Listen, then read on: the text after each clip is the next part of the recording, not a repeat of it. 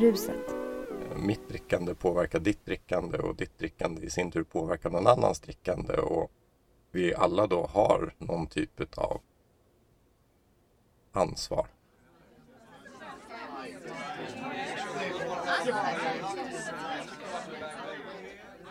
Föreställ dig att du är på en fest. Jag vet, det kan kännas avlägset så här mitt i en pandemi, men tillåt dig för en stund att sväva bort till livet som det var förr.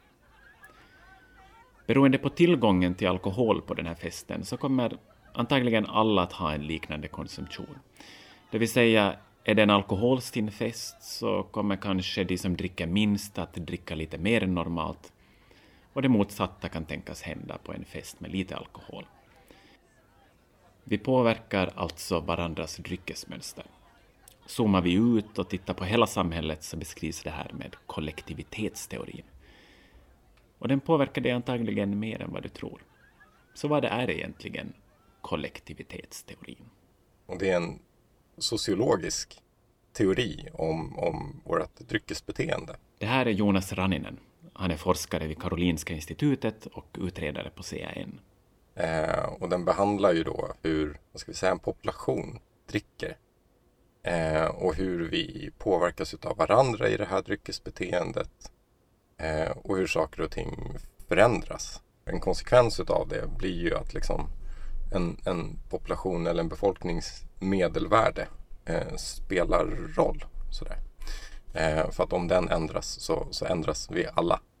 Du kanske har märkt att det varje år kommer siffror på hur mycket alkohol som dricks i Sverige. 2019 drack svenskarna just under 9 liter ren alkohol per person. Det här gällde 15 år och äldre. Det är just det här medelvärdet som Jonas pratar om. Så att om medelkonsumtionen ändras eh, så att vi dricker, eh, säg i genomsnitt då 10% mindre, eh, så kommer det här liksom återspeglas. Alltså det här medelvärdet fungerar som en spegel för allas drickande de som dricker mest kommer dricka ungefär lika mycket mindre eh, och de som dricker väldigt lite kommer också dricka ungefär eh, lika mycket mindre. Och det här kan ju låta nästan lite banalt och självklart eh, idag. Liksom. Eh, men så har det ju inte alltid varit. Eh, och när de här idéerna presenterades så var det ju väldigt omdiskuterat och omdebatterat och ifrågasatt. Eh, för att det här utmanade ju väldigt mycket eh, det rådande, liksom, ska vi säga, medicinska paradigmet. Den rådande uppfattningen när vi hade motboken i Sverige var ju att, att det var de som behövde kontrolleras på något sätt. Att vi skulle ransonera drickandet liksom, för att begränsa eh, de dåliga drickarna, om vi uttrycker det som så. Och sen då att det var väsensskilt liksom, från vanliga personers drickande på något sätt. Sådär. Um, och det här utmanade ju liksom det synsättet på något sätt. För det sätter oss alla i samma båt på något sätt. Liksom att eh, mitt drickande påverkar ditt drickande och ditt drickande i sin tur påverkar någon annans drickande. Och vi alla då har någon typ av ansvar. Ja, ansvar. Kommer du ihåg att jag i början av programmet nämnde att den här teorin antagligen påverkar dig mer än vad du tror? För den påverkar inte bara ditt drickande, om du dricker det vill säga, den påverkar också hur du kan köpa din alkohol. Svensk alkoholpolitik bygger på tanken om att ju mindre alkohol som konsumeras i befolkningen, desto färre blir skadorna. Det här kallas totalkonsumtionsmodellen. Det är den som Systembolagets monopol bygger på. En av hörnstenarna för modellen är just kollektivitetsteorin som vi pratar om här idag. Vi påverkar varandras drickande och därför får vi alla också ta ansvaret för att minska skadorna. Det är den politiska effekten av kollektivitetsteorin. Men tillbaka till det här med befolkning. Vad är det som räknas som en befolkning? På den här festen till exempel finns folk i olika åldrar med olika bakgrunder. Kommer de verkligen att påverka varandra? Ser vi till exempel på den svenska befolkningen så dricker äldre kvinnor mer men unga kvinnor mindre än tidigare. Så hur går det ihop?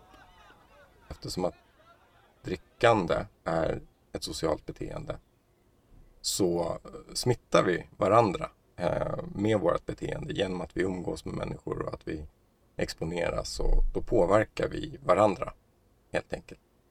Ehm, och då är det ju som så att om, om ungdomar till exempel eh, inte skulle då dricka med vuxna för att de ungdomar inte får dricka.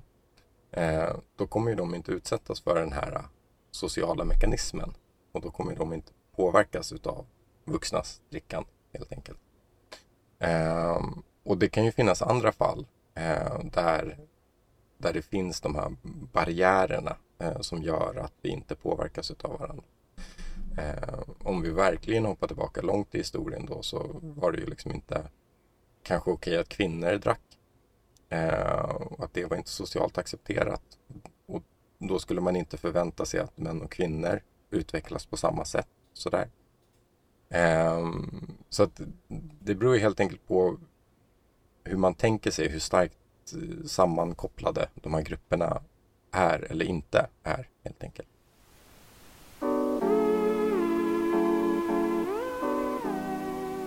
Alkoholkonsumtionen har under flera år minskat i Sverige, men det är ännu norm att dricka i den vuxna befolkningen. Bland unga däremot har normen svängt. Bland elever i årskurs 9 är det bara 40 procent som har druckit.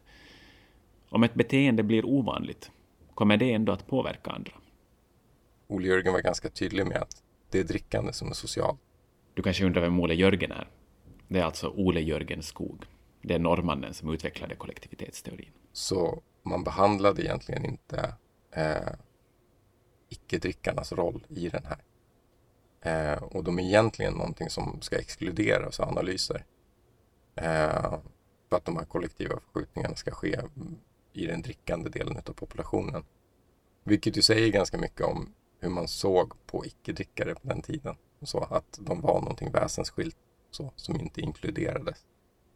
Eh, många studier på senare tid har ju inkluderat dem.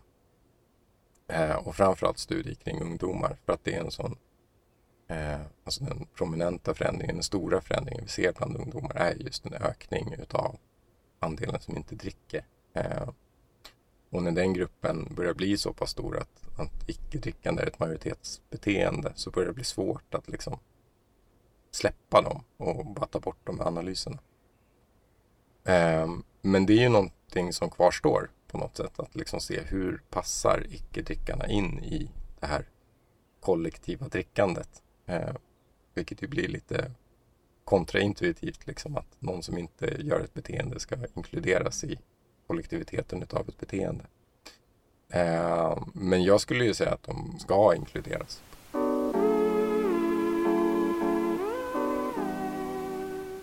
Det den har fått mycket kritik för genom åren har ju alltid varit att den är ganska vag. Det är väldigt svårt att formulera eh, specifika hypoteser som du sen kan testa. Den används ju väldigt mycket för att studera eh, statistiska samband eller eh, rent matematiska funktioner utav hur, hur eh, konsumtionen ska bete sig. Men det är ju, det är ju de facto en, det är en sociologisk teori om mänskligt beteende. Eh, och det är ju oerhört svårt att liksom på något sätt bryta ner i väldigt precisa saker.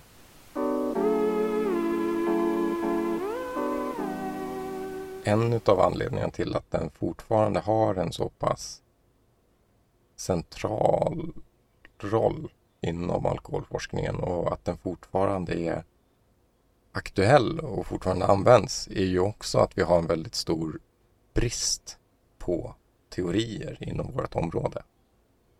Eh, det finns egentligen ingen annan teori kring hur befolkningar dricker och hur ändringar i drickandet skulle uppstå eller hur ändringar skulle spridas inom en befolkning. Sådär.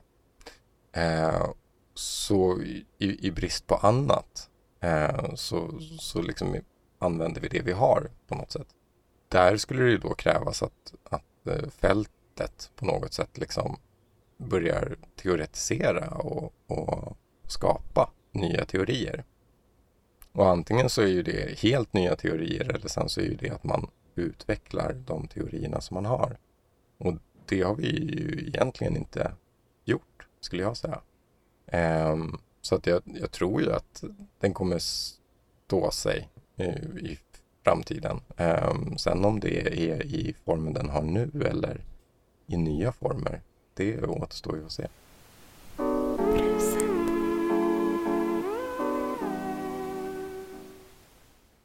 Tillbaka till festen.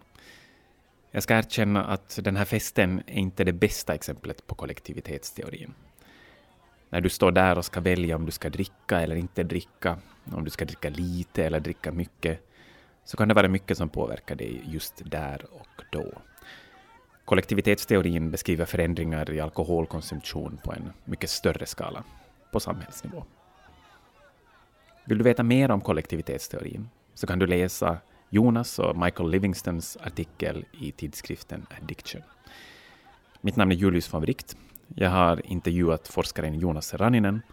och du har lyssnat på Alkohol och narkotikas podd Beruset. Utgivare är Centralförbundet för alkohol och narkotikaupplysning, CAN.